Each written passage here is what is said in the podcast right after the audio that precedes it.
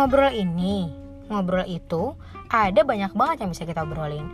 Di ngobrol sore bareng aku Rinda, kita akan ngobrolin banyak hal seputar cinta, kesehatan, persahabatan, keluarga, ataupun karir.